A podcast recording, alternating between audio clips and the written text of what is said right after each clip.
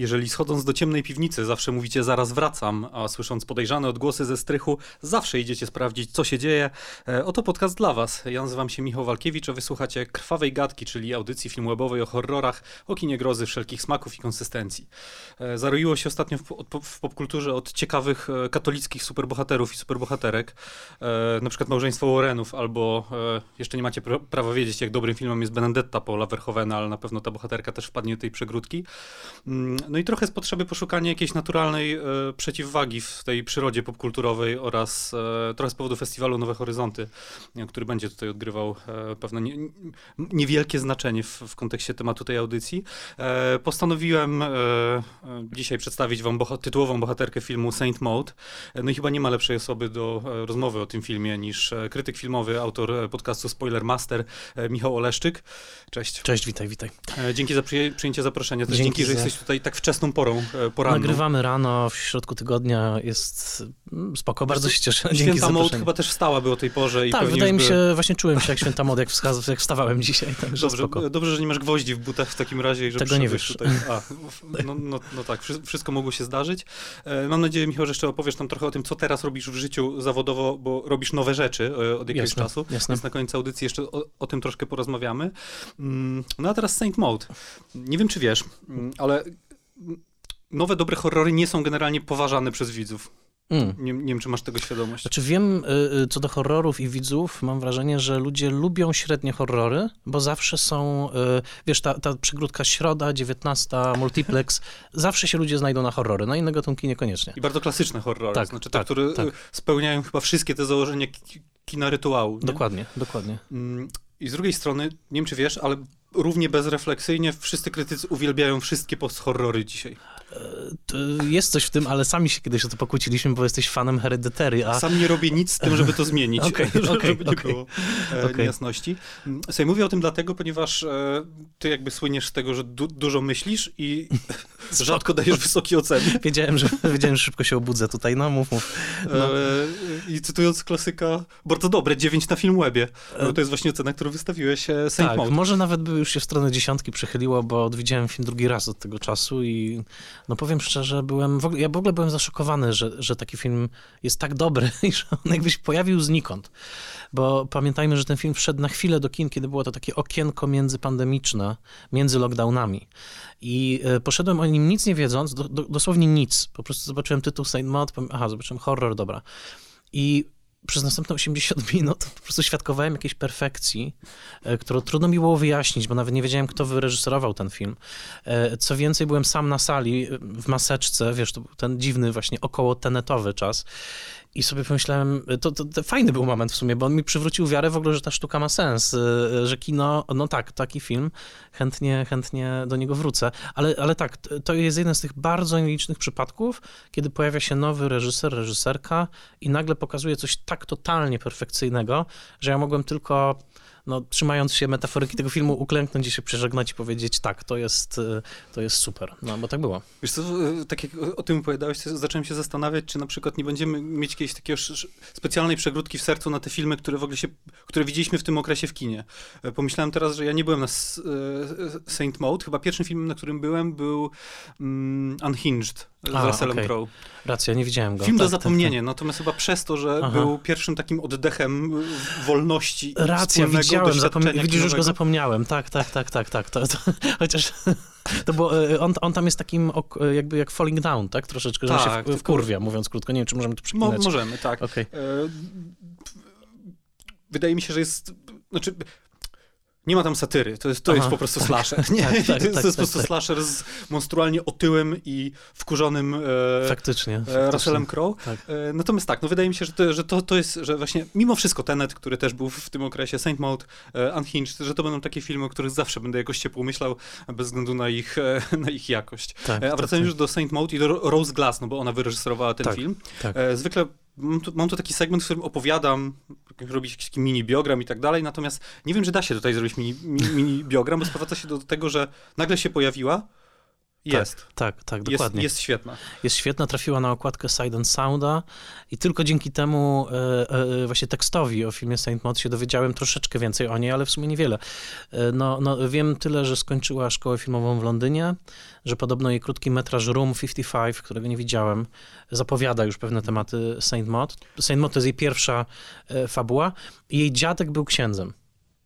Może to ma jakieś znaczenie. Tak, to- I ona chodziła do szkoły katolickiej. To, to tyle, tyle mi się udało Tak, ustalić. chociaż e, udało mi się też ustalić, że po skończeniu tej szkoły katolickiej rozluźniły się jej dość mocno e, jej, e, jej więzi z, z katolicyzmem. To, to i- widać w tym To filmie. widać oczywiście w tym Tak. filmie.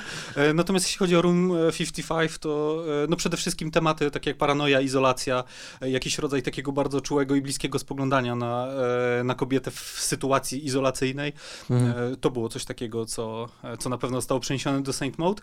E, To zresztą też chyba jakiś taki ciekawy wątek się otwiera w ogóle Saint Maud jako, Mm. e, jako filmu, który właśnie na tym, etap, na tym poziomie też się zgrał z, z pandemią. Tak, tak, tak. bo, tak. bo jest to film troszkę o, odosobnieniu i o samotności jakimś takim I o chorobie też. I o chorobie. Tak, tak, to prawda, to prawda. Mm, O służbie zdrowia, jak napisał Silent Sound, bo Brytyjczycy zawsze się dopatrzą jakiegoś społecznego znaczenia i tam się pojawia taka sugestia w tekście Silent Soundowym, że, że to między innymi jest o tym, że pielęgniarki są niedofinansowane. Słuchaj, e, generalnie jesteśmy miłośnikami szufladek e, i już sam fakt, że mówimy o czymś jako post-horrorze, świadczy o tym, że te szufladki, e, mimo tego, że post-horror Okej, no możemy próbować jakoś myśleć o nim jako o połączeniu najróżniejszych gatunków i tak dalej, no ale, ale nie jest to rzecz, którą łatwo zaszufladkować, natomiast no wciąż to robimy, więc e, chciałbym spróbować przełożyć ten pryzmat chociaż na chwilę do Saint Maud Mhm. i porozmawiać troszkę o tym, z czym tak naprawdę mamy do czynienia, bo ty Mhm. ty umiejscowiłeś to w swoim poście facebookowym, który też polecam, bo jest jakimś listem miłosnym do tego filmu. E, gdzieś pomiędzy wstrętem i babadukiem, czyli Mm. e, takimi rzeczami, które są, są horrorami, no ale ocierają się jakiś rodzaj e, thrillera psychologicznego Mhm, i, i mhm, opowieści tak mhm. naprawdę o, o, o erozji psychiki. Tak, tak, tak. No dwa chyba takie terminy teraz krążą, wszyscy się nimi posługujemy, chyba do końca nie wiemy dokładnie, co one oznaczają, czyli elevated horror i post-horror. No i teraz moglibyśmy się zastanowić, jakby co mówimy, kiedy mówimy post-horror. E, No ale chyba najważniejsze jest to, co ty powiedziałeś, czyli na pewno duża świadomość psychologii, tak? tego, że najpewniej to, co oglądamy, ma po prostu źródło w zwichniętej psychice bohaterki, chociaż ostatnie dwie sekundy filmu to podważają, ale o tym za chwilę. Chociaż nie, nie do końca. Nie, nie, pod- właśnie potwier- po- potwierdzają potwierdzają, potwierdzają, dokładnie, sorry. Y, A, a ten elevated horror, mm, no to z kolei to, to jest najdziwniejszy twór, bo to mam, mam wrażenie, że to chyba chodzi przede wszystkim o, o, o maszynę kry, krytyczną, tak? Czyli o nas, w sensie, że te filmy są traktowane poważnie. To chyba o to chodzi, tak? Bo, bo, bo kiedy Carrie wchodziła na ekrany, to wydaje mi się, że w 76, to wydaje mi się, że wiele osób no, nie traktowało tego filmu na równi z najważniejszymi filmami 76 roku, jak Zapewne nie. taksówkarz, tak? Mimo nominacji Oscarowej dla Spacek i tak dalej, no ale jednak. A mam wrażenie, że ten elevated horror to chyba na tym polega, tak? Że jakby, że rozumiemy, że tutaj mówi się o jakichś ważnych tematach, takich jak, Mhm. nie wiem, trauma na przykład. I, I ten film spełnia chyba obydwa te, mm, te boksy, tak? Znaczy jest o zwichniętej psychice i jest filmem arthouse'owym, bo to nie jest taki sobie... e, Właśnie się zaczę, zacząłem No. zastanawiać, jak o tym mówiłeś, czy, y, czy nagrody i czy duże ceremonie nagród i duże festiwale nie są taką ostatnią cegiełką potrzebną do tego, żeby, żeby ten rodzaj horroru był elevated też w oczach widowni. No właśnie, bo Złotej Palmy jeszcze horror w sumie chyba nie Chyba nie, dostał. tak nigdy. teraz przebiegam bardzo Z szybko. Oscarami ale- było lepiej, no ale też generalnie nie Tak. jest dobrze. No Jordan Peele się załapał w ostatnich latach, natomiast no tu jest mało w kontekście Tak. tego, co się dzieje w gatunku. Racja, racja, racja. Teraz y, Julie i ty powiesz jej nazwisko od Nie mięsa. powiem, e, ponieważ nie znam francuskiego. A, di- di- Ducor- di- Ducorneau. Ducorneau, okej.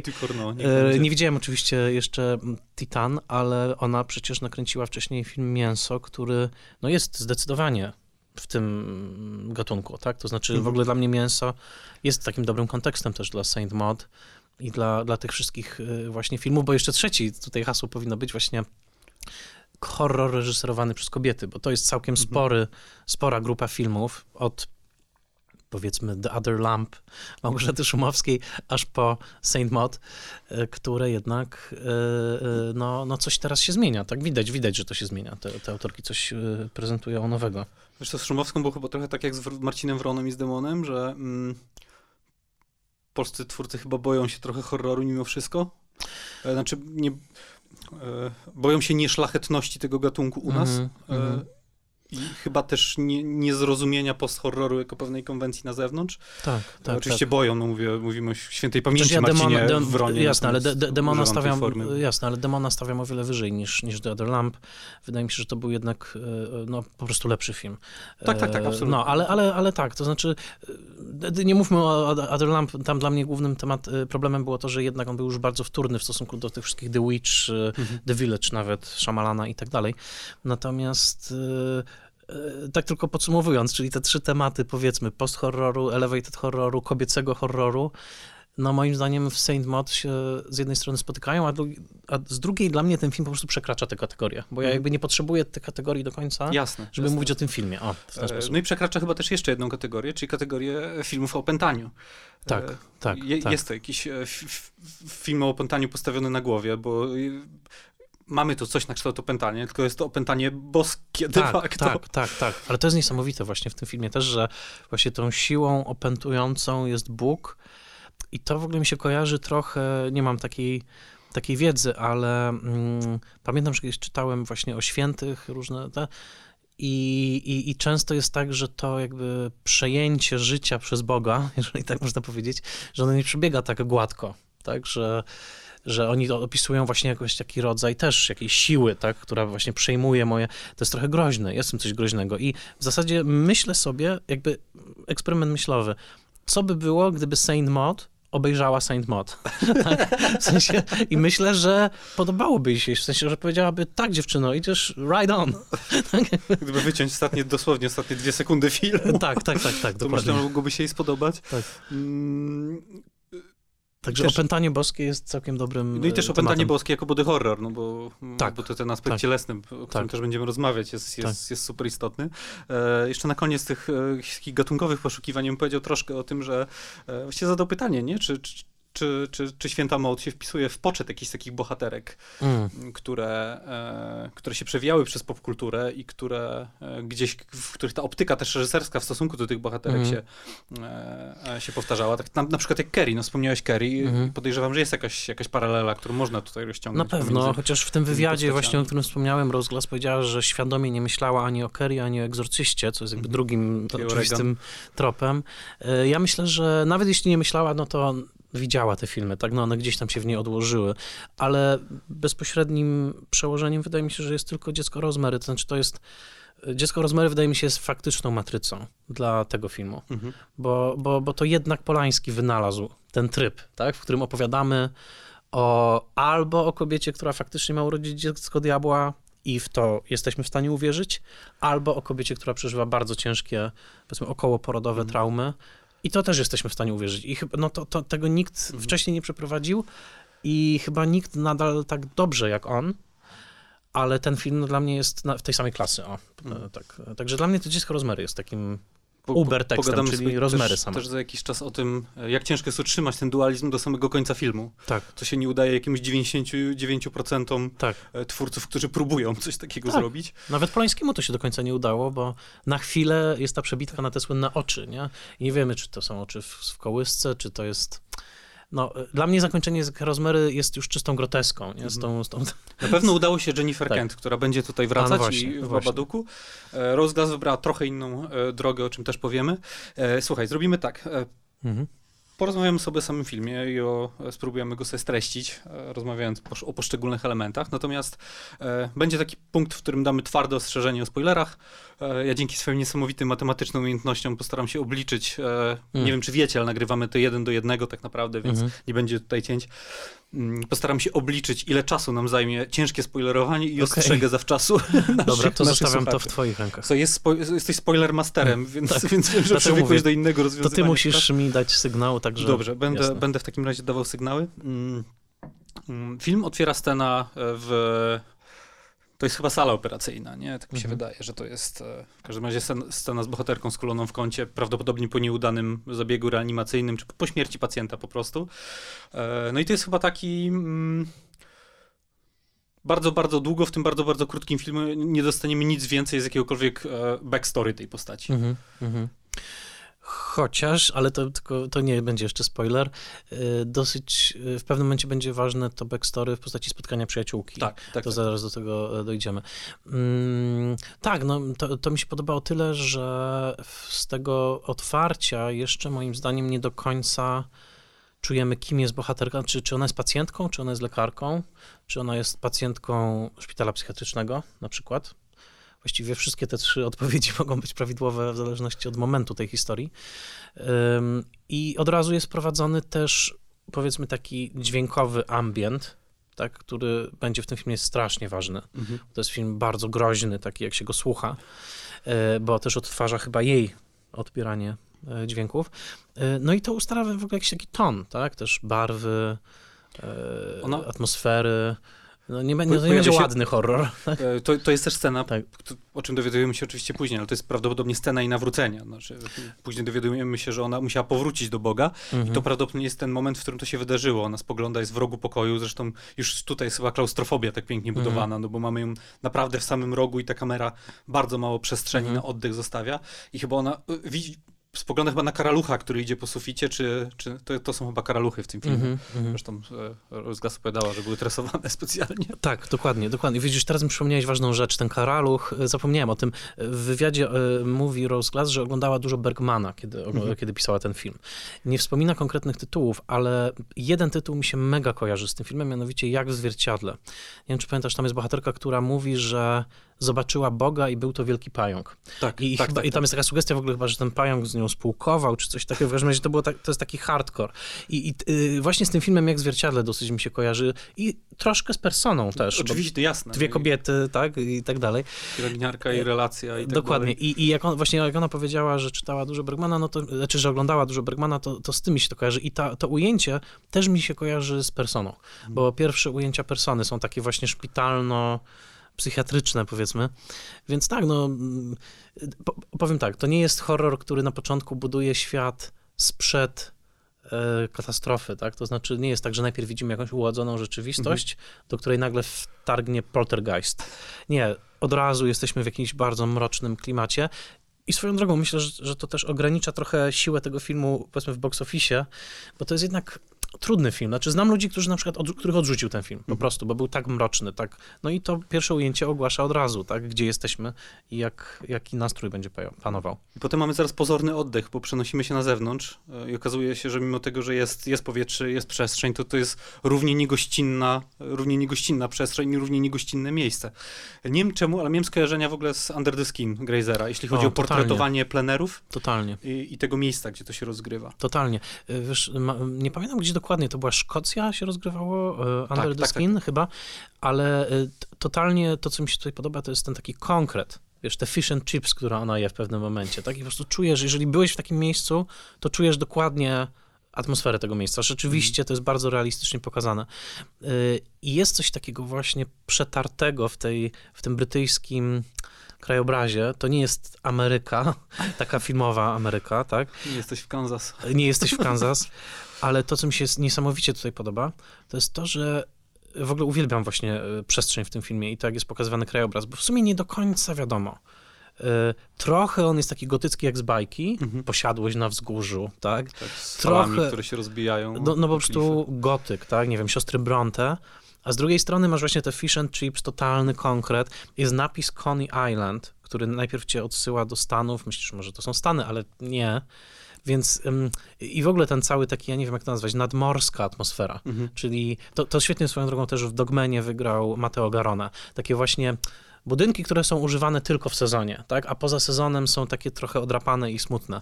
I to właśnie to jest super tutaj pokazane, że ona tak chodzi pomiędzy takimi starymi karuzelami, jakimiś właśnie atrakcjami. No, no, no dla mnie rewelacyjnie to jest pokazane. Plus jej małe moje mieszkanko Mhm. z tym obsesyjnym porządkiem. Nie? Tak, to też jest super. Do mieszkanka jeszcze przejdziemy. Mi się strasznie podobało w tej przestrzeni zewnętrznej.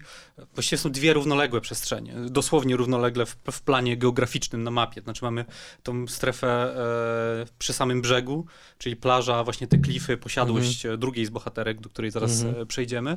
No i mamy ten taki pas Aleje Grzeszników tak naprawdę, -hmm. którą ona spaceruje wieczorami, tak, tak, gdzie tak. bezdomny prosi ją o pieniądze, gdzie jest ten bar obskurny, w którym ona, do tak. którego ona w pewnym momencie trafia, tak. w którym tak jakby no, też przechadza się, żeby, żeby utwierdzić się w przekonaniu, że jest wiele do zrobienia na tym świecie, tak, jeśli chodzi w tak, temacie, w departamencie zbawiania ludzi. Tak, tak, tak, tak, tak. I że ona się tego podejmie.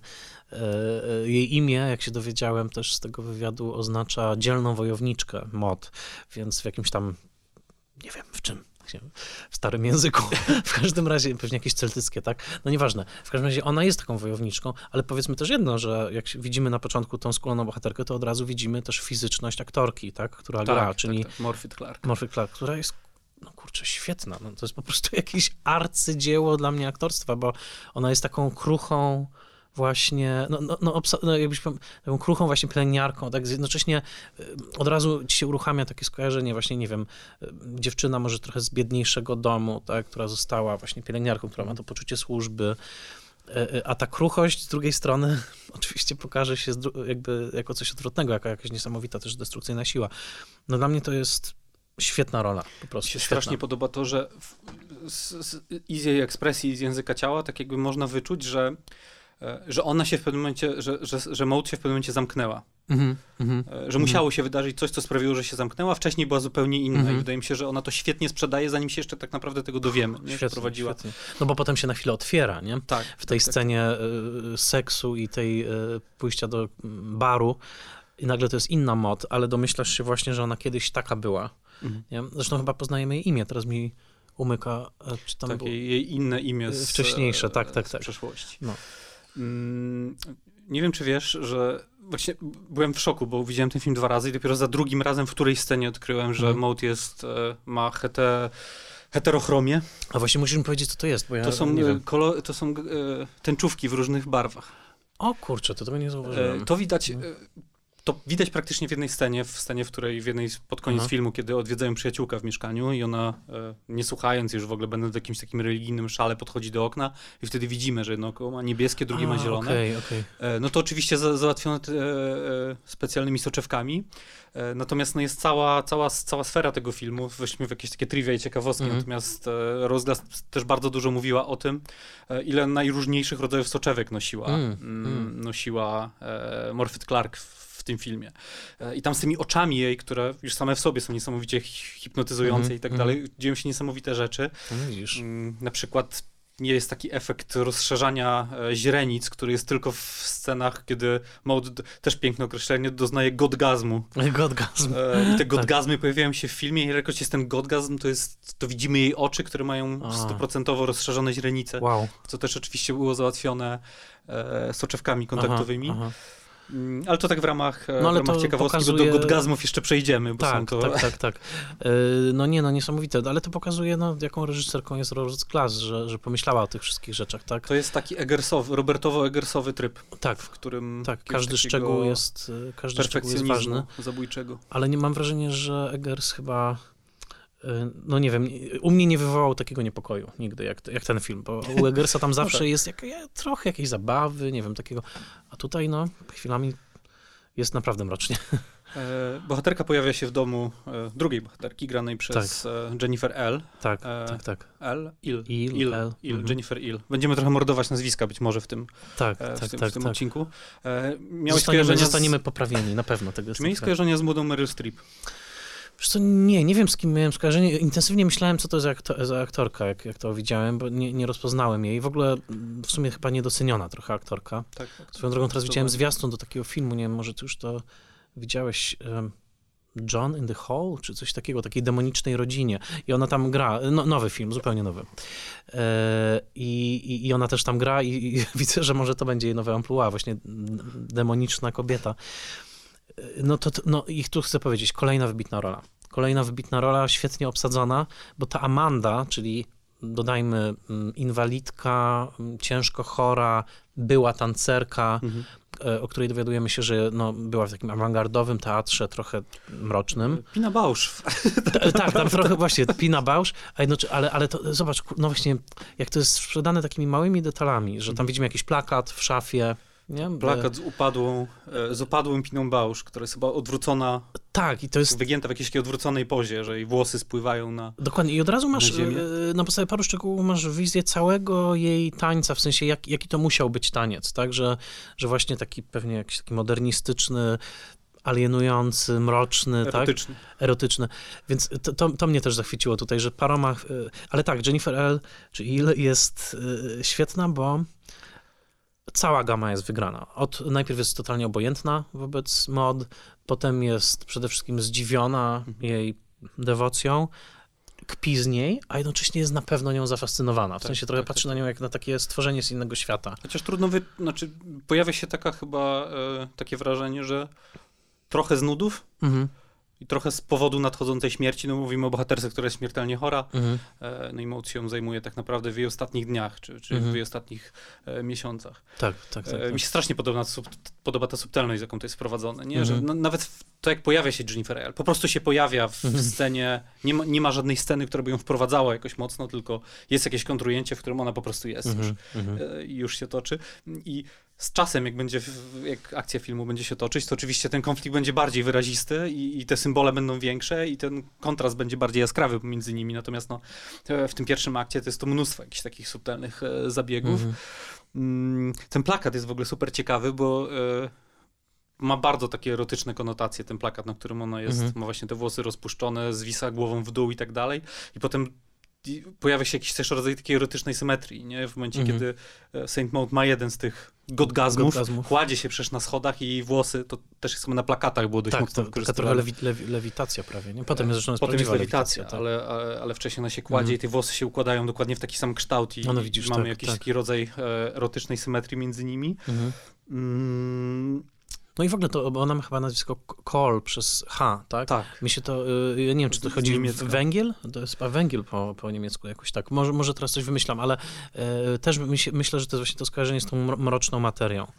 Mm, chyba, chyba tak się, chyba tak, chyba tak właśnie się mówi na, na węgiel. W każdym razie, mm, y, no i od razu, no i która to jest w ogóle minuta filmu? Nie wiem, szósta, siódma, a już jesteśmy całkowicie w tej relacji, tak? Mhm. To jest jakaś, bo, bo, bo- dodajmy, to jest bardzo ważne, że ten film jest bardzo krótki. tak. On ma 80 minut chyba. tak. Krótki, treściwy. tak, krótki i treściwy.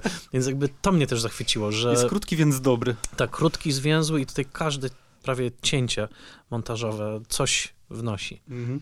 E, wiesz, to no...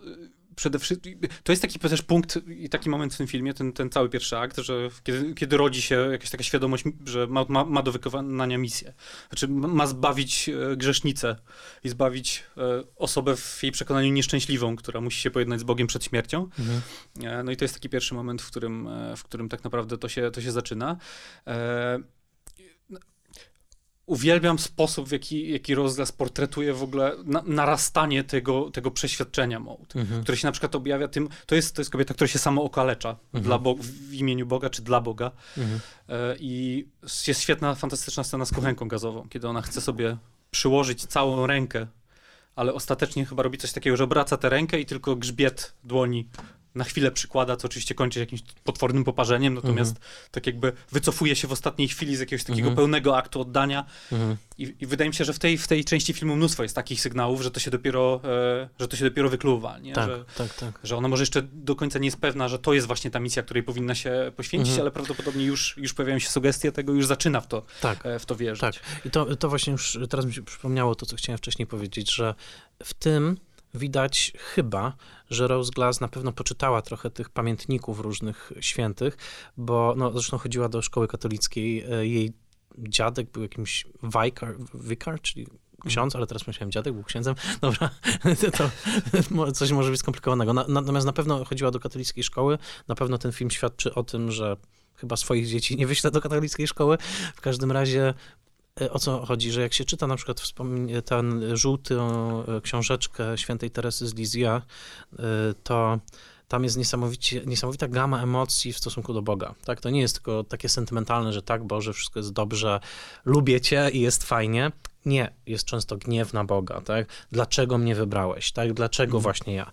E, e, nie, nie podejmę, tak, tego krzyża, tak? I tak dalej. A potem ukorzenie się. I tu jest dokładnie to samo, że ona w pewnym momencie jest jakby gniewna na niego, tak? Mówi, że Tak, tak, y, dlaczego mm, musiałeś mnie wybrać, tak? Dlaczego? I to jest niesamowite, bo, bo to bardzo komplikuje ten cały obraz, że to nie jest taka po prostu fanatyczka, po prostu fanatyczka jednowymiarowa, tylko że ona ma całe życie emocjonalne w obrębie tej Mhm. fiksacji e, religijnej. No ja zresztą uwielbiam, jak ona to gra, bo dla mnie na przykład moment, w którym ona ma te, to już późniejszy, kiedy ma te gwoździe w butach i, i, wiemy, że chodzi po gwoździach de facto, to przecież y, to, jak ona to gra po prostu, tak, te, te kroki stawiane i ten, ta taka błogość na twarzy, a jednocześnie wiesz, że, że ona no to jest jakiś też aktorski masterclass, no a przecież no, no, no nie, naprawdę no byłem, podziwiałem ją za to, tą, Dla tą nawet proporcje no, było w drugą stronę, że Tak. stara się ten Mm. uśmiech wydobyć Tak. spod, spod absolutnego cierpienia. Tak, tak, i to, to, to Przez tam po prostu walczy ze sobą, E, ale, ale tak, takich ma- malutkich momentów jest tutaj mnóstwo. Pierwszy, pierwszy, ten, pierwszy akt właśnie nie ma też takiej klasycznej struktury, ale, ale ja to sobie podzieliłem, że jest jakąś cezurą ta scena, w której Jennifer Hill udaje, że doznaje tego boskiego Tak, i zaczyna z niej kpić. i zaczyna z niej Tak. kpić, czego, e, z czego Maud oczywiście się nie domyśla, znaczy one razem przeżywają jakiś taki rodzaj religijnej ekstazy oczywiście. Tak. E, Postać grana przez Jennifer Hill, e, czyli ta Cole. I mistrzostwo polega udaje na tym, że my jesteśmy w tym momencie trochę bardziej po stronie mod, Tak, bo, tak, tak, bo tak, nas boli to jest szyderstwo. wykorzystywana, Tak, po prostu, dokładnie. I w tym momencie nie, nie lubimy jej, że, w sensie nie lubimy Amandy za to, że, za to, że kpi z niej. Mhm. Pod tym względem jakimś mikromajstersztykiem jest też ta scena e, przyjęcia, w którym dzieją się bardzo dziwne rzeczy, tak? No, no ale to wybiegłem do przodu. Zaraz, Mhm. tak, zaraz do tego przejdziemy. Jeszcze przed tym dam ostrzeżenie o, spoile o tak. spoilerach, natomiast i, zanim, to jeszcze chciałbym poruszyć ten wątek, e, no właśnie, tej chyba erotycznej fascynacji jednak między Mhm, e, mhm. tymi bohaterkami, no bo on, ona jest tutaj wielowektorowa. No mamy ewidentnie erotyczną relację z Bogiem, Mhm. e, Maud, mamy, mamy relację właśnie z, z, z tą podopieczną, która tutaj ona się chyba jest portretowana w ten sposób, że, że Maud po prostu ma flashbacki z jakiejś takiej sesji, sesji rehabilitacyjnej, w których ten kontakt cielesny był najbardziej, Mhm, mhm. e, najbardziej intensywny i w chwilach tej e, wspólnej ekstazy, dzielonej ekstazy, e, ona tak jakby przywołuje też te, e, też te e, momenty, w których e, gdzieś tam próbowała coś zrobić z jej kośćmi, z jej stawami i tak dalej, nie? Mhm. Mm, Myślę, że to jest w ogóle istotne w tym filmie, w sensie na tyle, żeby e, robić z tego temat, bo wiem, że Rose Glass się odcina troszkę od Aha, tego rodzaju interpretacji, że, że to jest... e, Że to jest jakiś rodzaj lesbijskiej relacji, która jest Mhm. niewysłowiona i tak dalej, i tak dalej, że raczej próbuje się. Znowu o- myślę, że mistrzostwo tu polega właśnie na takim wieloznaczności. su- sugerowaniu. Że to, że to gdzieś być może jest, a być może to jest tylko mutacja tej miłości do Boga, tak? W sensie właśnie, że to, że ta ekstaza boska teraz też się... Bo, no, znaczy, nie, nie, dodajmy, że Amanda jest spo- sportretowana na pewno albo jako lesbijka, albo Mm. jako biseksualna, tak? Bo, bo przychodzi jej kochanka w pewnym momencie. Tak, tak, tak. Natomiast y, ze strony mod to jest no, na tej cieniutkiej, cieniutkiej granicy, Mhm. tak? Na pewno w tej zaborczości Amandy, e, przepraszam, e, e, mod wobec Amandy e, jest pewien komponent erotyczny, no bo ona jednak chce mieć ją tylko dla siebie, Tak. tak? Tylko ja ją będę leczyć. I tutaj też jakieś takie, takie po prostu echa jakichś takich właśnie gotyckich e, horrorów, tak? Jak, nie wiem, może Rebeki Hitchcocka trochę, tak? Jakiś takich właśnie albo, albo, albo tego Henry'ego Jamesa w Kleszczach Lęku. Tak, dokładnie. The Innocents, ten świetny film mm, według w, w, w Kleszczach Lęku Henry'ego Jamesa z Debrą Kerr. Chyba najbliższy dla mnie odpowiednik tego.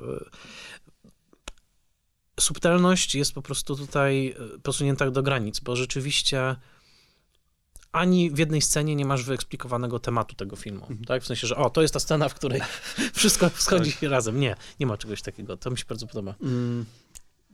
Ty napisałeś w swoim poście facebookowym. No, no. Właściwie to jest mini recenzja. Przejdźmy, mówmy- przejdźmy przez tego posta, już go nie pamiętam. No. Eee, Znaczy napisałeś po prostu o bardzo czułej, e, o czułym rodzaju narracji, o czułej perspektywie Mhm. względem tej bohaterki. Wydaje mi się, że nie ma, kontynuując jeszcze ten wątek erotyczny, że nie ma, nie ma chyba lepszej reprezentacji tego niż e, sposób, w jaki ten film jest montowany. Mm. E, Konkretnie teraz myślę o scenach właśnie tych godgazmów, które wyglądają w ten sposób, że w momencie największej ekstazy scena jest cięta. Mm. co ma jakiś taki fajny wymiar mm, ukrywania przed nami najbardziej intymnego stanu Mhm. tej bohaterki, w którym ona może się znajdować, co Mhm. wydaje mi się super empatyczne. E, I no, pomimo generalnego portretowania tej bohaterki jako kogoś no, po prostu, kto jest chory psychicznie, no bo Mhm. e, akurat podoba mi się w filmie Rose Glass, że, e, że ten dualizm prowadzony tylko do pewnego momentu. Mhm. mm, no to wydaje mi się, że dawno nie widziałem czegoś takiego w kinie, nie? Żeby montaż tak pracował w służbie właśnie e, no właśnie jakiejś takiej czułości czy empatii względem bohaterów, nie? Mhm. Że, żeby, żeby łatwo było, można było z tego zrobić kultową, fotogeniczną scenę, e, którą byśmy zapamiętali na lata. Tak, to są takie tak. momenty, które są bardzo szybko, szybko ucinane. Widzimy Mhm. ledwie wydobywający się głos z jej gardła.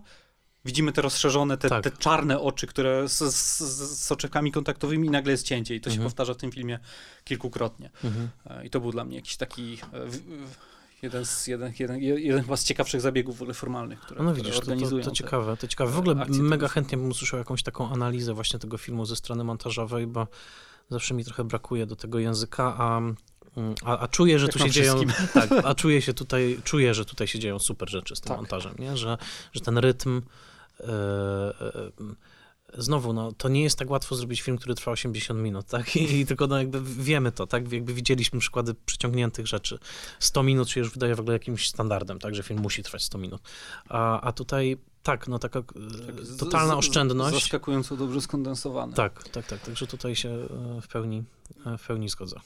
Słuchaj, zrobimy sobie tutaj przerwę. I, Tutaj spoilery? Właści- Mhm. Tak, i damy ostrzeżenie przed spoilerami, ponieważ wydaje mi się, że zarysowaliśmy pierwszy akt, cały czas mówię o tych aktach, Mhm. chociaż no, nie, nie, niech będzie dla, Mhm. dla klarowności roz- rozmowy.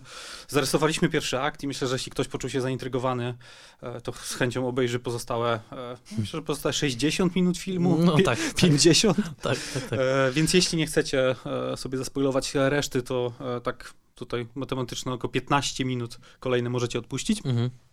E, Potem się jeszcze słyszymy na, e, na krótkim podsumowaniu. E, No a teraz myślę, że krócej trochę, bo, Mhm. bo też tak naprawdę najważniejsze chyba rzeczy w tym filmie dzieją się na początku. Troszkę o drugim akcie, czyli e, ja go tak zbiorczo potraktowałem jako u, u, może nie upadek, ale po, czas powątpiewania w, Mhm. w sens misji. Tak. E, Kiedy, Tak, tak. kiedy dostajemy jakiś taki e, szereg sekwencji, w których, e, w których Saint Maud upada tak naprawdę. Najpierw to jest powrót do dawnego życia, czyli do jakiegoś takiego jest scena seksu z facetem, który mm, jak się okazuje jest, jest, jest kimś z jej przeszłości, kto e, zna kogoś, kto też z nią spał. Mamy tą scenę jakiegoś takiego barowego upodlenia, która też Mhm. jest nakręcona super subtelnie tak. i nie kojarzy tak. się z milionem innych scen w tym kluczu, Tak. które pojawiłyby Tak. się w takim filmie. Bo, boję się, jakby wyglądała w polskim filmie ta scena. Znaczy, Wyobraź sobie to, e, to upodlenie. Byłby seks od tyłu, nie? Który jest tożsamy w polskim kinie. Ale, ale bohaterka musiałaby wtedy patrzeć w lustro i kontemplować rozmiary swojego upodlenia jednocześnie, bo tak, to tak by który było. jest e, tożsamy z upadkiem. Tak, a tu E, znowu parę sekund i jednocześnie cię przeszywa dreszcz, po prostu to jest takie brudne, tak, to co się tam dzieje, a, Mhm. a z drugiej strony jest to ludzkie, tak, jakby ona jest po prostu jakby zagubioną w tym momencie osobą, no. mm, Ale, roz- ale dobrze to nazwałeś, że to jest właśnie ten drugi akt, to jest ten akt powątpiewania, a potem jest ten, to już dojdziemy mm, za chwilę.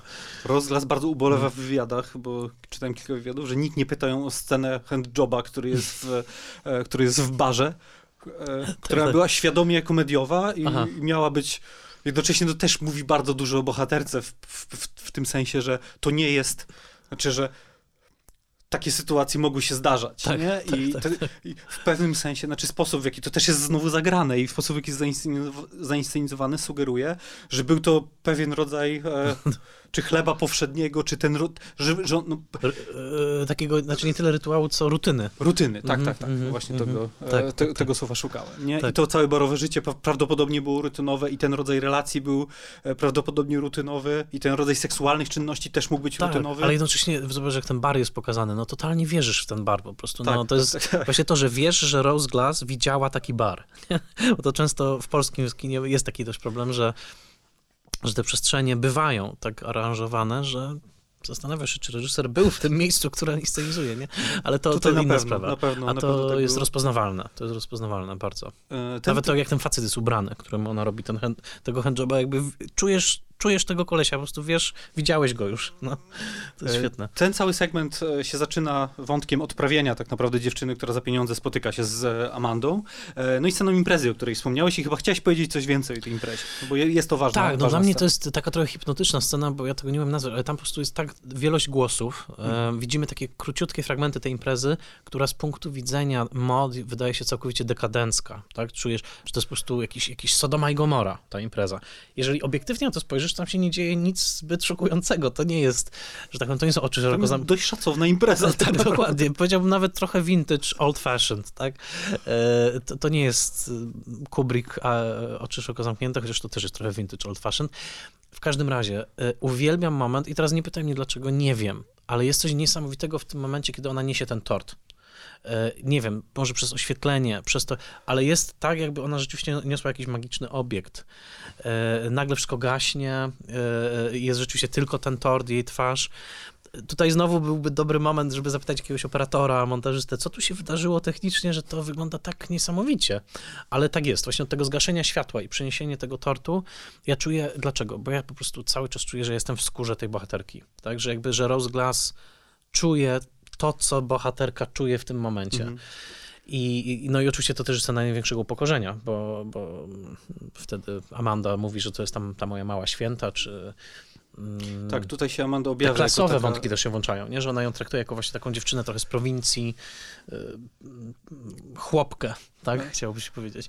Klasowe to raz, no ale Hmm. dwa, że faktycznie ten konflikt tu już, znaczy tu kończy, tu już zostaje zarysowany w całości, nie? W momencie, kiedy ona chyba mówi do niej, że e, nie wiem, no sugeruje też, nie, nie pamiętam dokładnego dialogu, bo e, pa, pamiętałem tak naprawdę przed, przed nagraniem, bo był świetny, natomiast e, chyba sugeruje jakieś właśnie bliskie związki erotyczne z, e, e, z Panem Jezusem. Tak, tak, tak, tak, tak, jest, to jest, jest coś e, takiego. To jest ta sugestia, która sprawia, że, e, że Maud po prostu ją policzkuje. Mhm, mhm. Zostaje zwolniona i zaczyna się ten jej bardzo fotogeniczny zresztą e, upadek. Tutaj zresztą shoutout zrobimy, bo chyba nie będzie na to innej okazji dla e, Polaków. No właśnie, właśnie.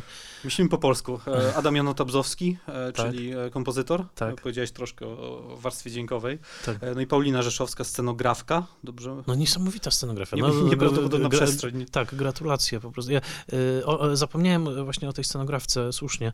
Pamiętałem o kompozytorze, a, a muzyka dodajmy eksperymentalna, bo to nie jest, Tak, tak, tak, tak. to nie są smyczki i orkiestra, tak? To są takie no eksperymentalne łamanie dźwięków często.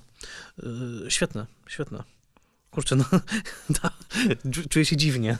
Zachwycam się cały czas, ale naprawdę ten film mnie zachwyca.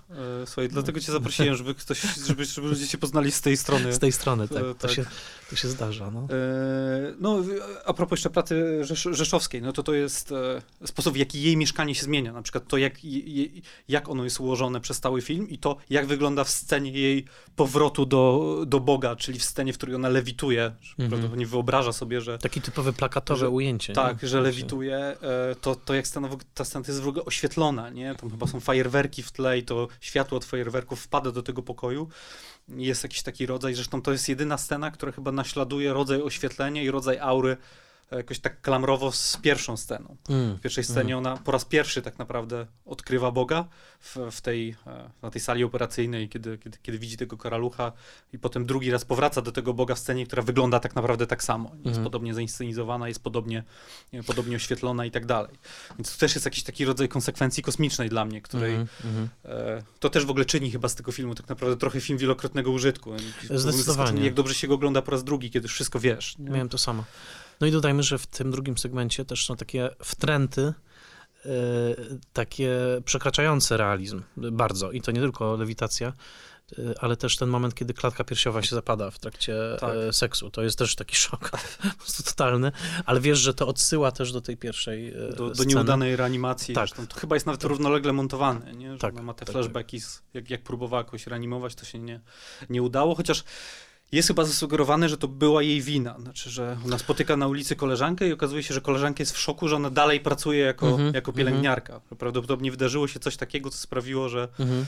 e, że powinna już z tego zrezygnować, czy powinna sobie ułożyć życie jakoś inaczej. Natomiast ona pod zmienionym imieniem Tak, e, tak, tak. dalej. Tak, tak, to jest taki charak- bardzo horrorowy trop, tak. e, czy thr- thrillerowy bardziej, że Znaczy, gdyby inaczej opowiedzieć ten film, to... Znaczy, wie- wiem, o czym mówisz, wiem, o czym To mówisz. byłoby.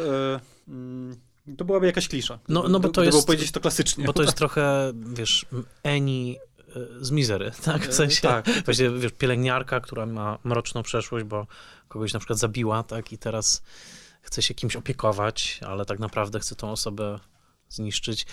Um... Ale tu też jest to rozegrane tak, że nie, nigdy nie jest pokazane, że to bohaterka, która ma złe intencje, nie? I może też na takiej zasadzie to działa, że, tak. że automatycznie to czyni z niej kogoś innego i też ten wątek staje się po prostu mniej, tak, tak, tak, mniej tak. kliszowy. Tak.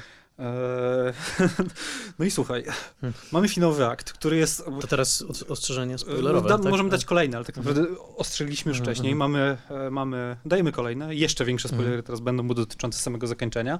E, no mamy finałowy akt, w, który, w którym ona tak naprawdę e, już po swoim kolejnym objawieniu jest przekonana, że Amandę trzeba zbawić. No i mamy tak naprawdę dwie duże tam jest jeszcze wątek nowej, nowej opiekunki, nowej z którą ona rozmawia. się pojawia, tak. z którą ona rozmawia i też utwierdza się tak jakby w przekonaniu, że, że to jest coś, co trzeba zrobić. No i mamy dwie duże sceny, które są istotne. Pierwsza to jest oczywiście wizyta nocna w domu, w domu Amandy, kiedy e, no nie wiem, ja się nie spodziewałem takiego jumpscare'u, zwłaszcza po tym, co widziałem przez wcześniejsze, nie wiem, 60-65 minut. Tak, e, tak, tak.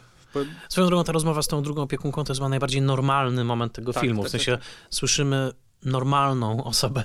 Przepraszam, że używam tego słowa. Chociaż dość natarczywą. E, tak, ale, ale jakby, jakby orientujemy się, aha, jakby jak, jak ta cała sytuacja wyglądałaby z perspektywy kogoś niezaburzonego.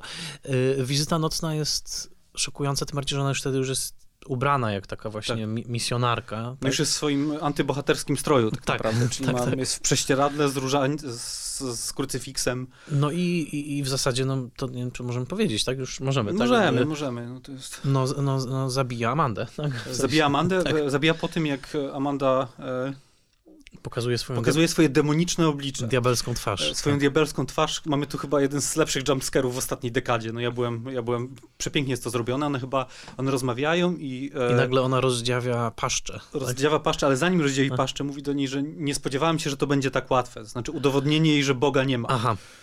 Tak, I tak. w momencie, kiedy chyba Maud zaczyna płakać, mamy jumpscare, czyli, czyli demoniczne oblicze Amandy. Ona ją jeszcze odpycha tą niewidzialną siłą na drugą no stronę to jest pokoju. egzorcysta, to jest egzorcysta. To jest już egzorcysta.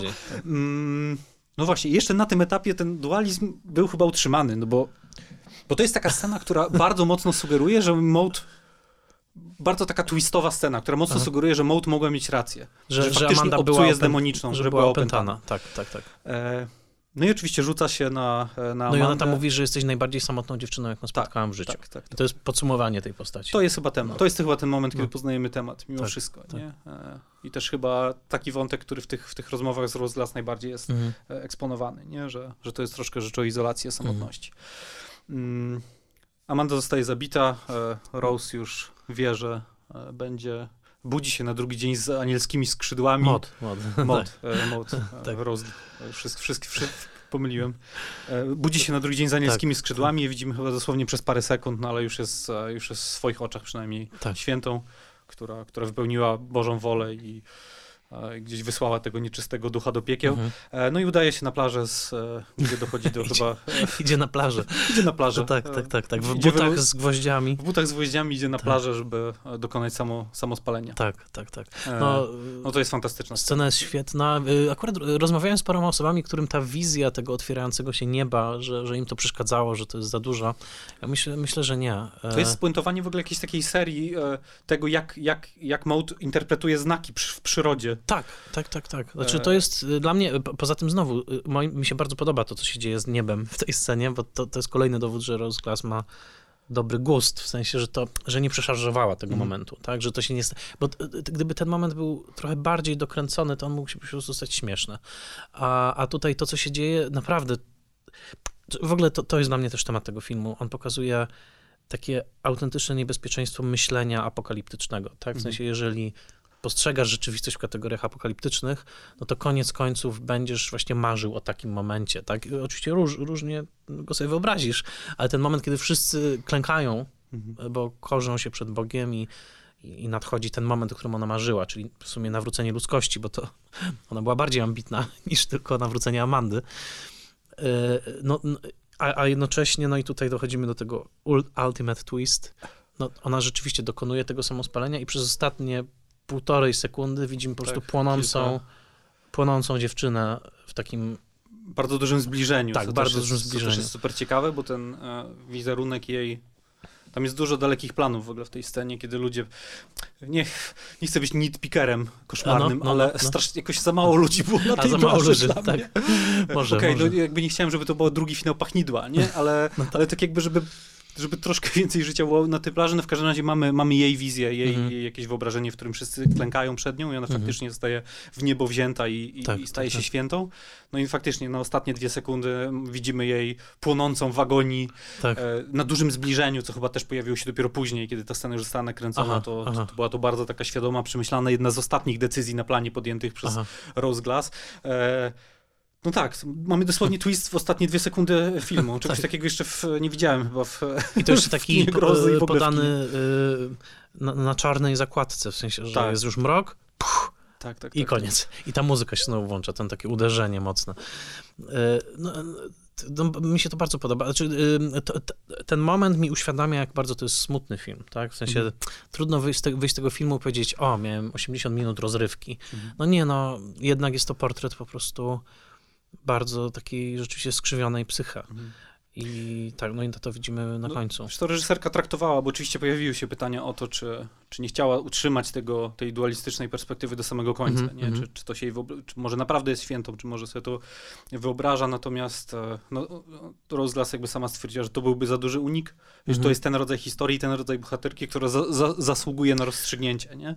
Tak. To jest super ciekawe właśnie w kontekście Babaduka, jeszcze chciałem tylko wspomnieć, bo Jennifer Kent, jak Polański przed nią, Mhm. e, utrzymuje to do samego końca. Babadook zostaje zamknięty w e, piwnicy chyba Mhm. i jest, jest karmiony jako Babadook, potwór, który został zamknięty w piwnicy i jako pewna, pewna mara w, w umyśle, Mhm. w którejś tam przegródce w głowie, która, która musi, być, musi być zasilana i musi być pielęgnowana przez, przez psychikę. I Mhm. Musi być przede wszystkim świadomość istnienia i że można było ruszyć dalej z życiem. I to jest utrzymane do samego końca, co było świetne w Babadooku. Tutaj by pewnie nie działało, nie? Mhm, Gdyby, mhm. Gdyby, gdybyśmy jednak nie dostali tych ostatnich e, Nie, dwóch sekund, zgadzam się, zgadzam się. zmieniają. To jest taki, ja bym to nazwał e, w języku historii na dylemat taksówkarza, tak? W sensie e, to, to, to dyskutowane zakończenie taksówkarza mm, Martina Scorsese'ego, w którym już od tylu lat się rozmawia, tak? Czy Travis rzeczywiście okazał się bohaterem, tak? Bo, no bo w sumie podobne, tak? Też chciał zbawić tą prostytutkę i tak dalej, ale y, i, i, i Scorsese postawił całkowicie na to, żeby pójść w stronę y, psyche Travisa, czyli na końcu widzimy Travisa jako bohatera, Mhm. który który został tam uczczony i, i na końcu wsiada nawet Betsy do jego taksówki. No jest super, tak? Jest po prostu super. E, Ale oczywiście my, jako widzowie, musimy sobie dopowiedzieć, że tak naprawdę być może to jest w ogóle jego projekcja, być może on w ogóle zginął w trakcie masakry i tak dalej. Ale tutaj Rose Glass jednak na końcu wprowadza taką zasadę rzeczywistości, bo wystarczy, no eksperyment jest prosty. Wytnijmy te dwie sekundy i zobaczmy, co to jest za film, tak? Tak, tak, tak. tak I, I wydaje mi się, że byłoby to, byłoby to faktycznie gorsze rozwiązanie, gdyby, Dużo, dużo gorsze. gdybyśmy zostali z tą ekstazą i gdyby teraz Rose Glass na Q&A po filmie powiedziała, no cóż widzu, rozstrzygnij sobie sam, Tak. tak? No, no nie, to nie jest o tym film, tak? To jest właśnie film o tym, do jakiej autodewastacji doprowadza tak wielkie zawierzenie właśnie myśleniu apokaliptycznemu. No i Mhm. to jest o tym. No. Także bardzo dobrze, że nie ma wersji drugiej, E, której... To się zgadzamy. I zresztą we No. wszystkim dzisiaj, we wszystkich tak, tak, zachwytach to odnośnie jest- Saint Maud. E, to była Saint Maud. E, zapraszamy. Jeśli widzieliście, zapraszamy jeszcze raz. Bardzo, E, bardzo. Będzie można film zobaczyć na Nowych Horyzontach e, najbliższych, Hmm. M, które zaczynają się już. Warto e, na dużym ekranie. Mówię to jako ktoś, Tak. kto zobaczył go na dużym ekranie. Mówię to jako ktoś, kto widział go dwa razy na małym ekranie. No. Warto na dużym ekranie. Tak. Sam się wybiorę na niego jeszcze raz. Od 12 e, sierpnia są Nowe Horyzonty. Mm, super, Wrocławiu oczywiście super. i online też. Mm, No to jeszcze Michale na koniec, e, bo obiecałem tutaj słuchaczom, że powiesz troszkę o tym, czym się teraz zajmujesz, bo zajmujesz się, zmieniłeś Tro, troszkę. Jezu, w ogóle miałem te wszystkie barykady w głowach, fronty i tak dalej, ale chyba nie ma frontu. Wszyscy kochamy ludzi, którzy zajmują się kinem. E, Słuchaj, troszkę, troszkę, troszkę, troszkę, tak? E, To znaczy e, zaangażowałem się w działania takie powiedzmy około scenariuszowe, około literackie, więc e, Jesteś kiero, e, kierownikiem, kierownikiem literackim. e, seriali, niektórych e, w Kanal Plus. Teraz powstaje polska wersja serialu The Office, co jest przedmiotem po prostu niesamowitych rozumiem, kontrowersji. pracujesz. Tak, właśnie pracuję tam jako kierownik literacki, wcześniej serial Pisarze, Serial serial, na krótko. w którym też napisałem jeden odcinek, no i to jest też taka trochę zmiana, że troszeczkę poszedłem tak na razie bardzo ostrożnie w stronę pisania i jestem też współautorem scenariusza do filmu Łukasza Rondudy i Łukasza Guta Wszystkie nasze strachy, który będzie miał premierę w Gdyni z Mhm. kolei. Także tak, no nie jest, nie, nie, nie, nie czuję się e, jakby jeszcze w tym, znaczy ba- bardzo, bardzo jest to dla mnie fajna przygoda, o tak bym powiedział. I te kierownictwo literackie, i te próby, próby literackie, próby scenariuszowe. E, e, jeszcze się nie czuję na siłach, żeby, nie wiem, napisać... Znaczy ja powiem ci zupełnie no. szczerze, że mi się... e, ja się poczułem lepiej, jak się dowiedziałem, że Mm. jednak pracujesz przy nowej wersji, do, przy polskiej przy wersji The do Office. Office, bo jakby wiesz, wiem, wiem, wiem, wiem, wiem, wiesz jak jest. Nie? wiem, wiem o co chodzi, okej, wiem o co chodzi. Teraz to może się udać. E, Jeszcze Spoiler Master. No, A, i rozumiem, Spoiler że Master teraz, oczywiście, teraz tak, tak, troszkę, tak. e, Podcast. Mniej czasu na podcast, ale Y, Wiesz co, znaczy zrobiłem prawie miesięczną przerwę, ale wracam. Ale już jestem, tak, absolutnie. Spoiler Master jest teraz moją ogromną pasją, naprawdę. I e, przede wszystkim on jest takim rozszerzeniem, powiedzmy, moich akademickich działań, bo czasami po wygłoszeniu wykładu dla dwudziestu paru osób na sali sobie myślałem, kurczę, no szkoda, że to nie może dla większej ilości osób być dostępne. Więc tak, e, podcast, e, działania literackie przy kinie, i uczelnia, gdzie cały czas wykładam na Wydziale Artes Liberales, to są takie moje trzy e, e, skrzydła, powiedzmy, dobrze, działania. super. E, To już wiecie, gdzie możecie Michała słuchać, gdzie, na co czekać e, i e, gdzie czytać. Mm, To była krwawa gadka. Dzięki Michał, że Mm, wpadłeś wielkie dzięki, pogadać o dzięki. doskonałym filmie. Dzięki za E, Jeszcze raz zaproszenie. polecę twojego posta. Na, jak, jeśli too, too long didn't read, to e, post Michała na, Tak, tak, tak. e, na Facebooku z podsumowaniem To tego następnym podcastu. razem mam nadzieję, że się pokłócimy o jakiś horror, bo to też się powinno zdarzyć. E, Myślę, że tak. Myślę, że nie będzie z tym problemu. E, Saint Maud jest takim, e, taką perełką w twoich, w twoich ocenach, jeśli chodzi o ten posthorrorowe klimaty. Tak. E, Hereditary dałeś bardzo nisko. Może kiedyś. Może kiedyś. Może jakiegoś crossa ze Spoilermasterem. Następ, następny film Ariego Astera, możemy tak się O. mówić. Czy- Czymkolwiek to będzie, cokolwiek to będzie. E, Tak. Jesteśmy umówieni. Okej. E, Słuchaliście Krwawej Gadki, ja nazywam się Michał Walkiewicz, e, a za dwa tygodnie found footage, czyli coś, o co pro- prosiliście i czego chcieliście, a na featuringu Maciek Łuka, czyli będzie dużo montażu o stronie operatorskiej i o rzeczach technicznych. Trzymajcie się, cześć.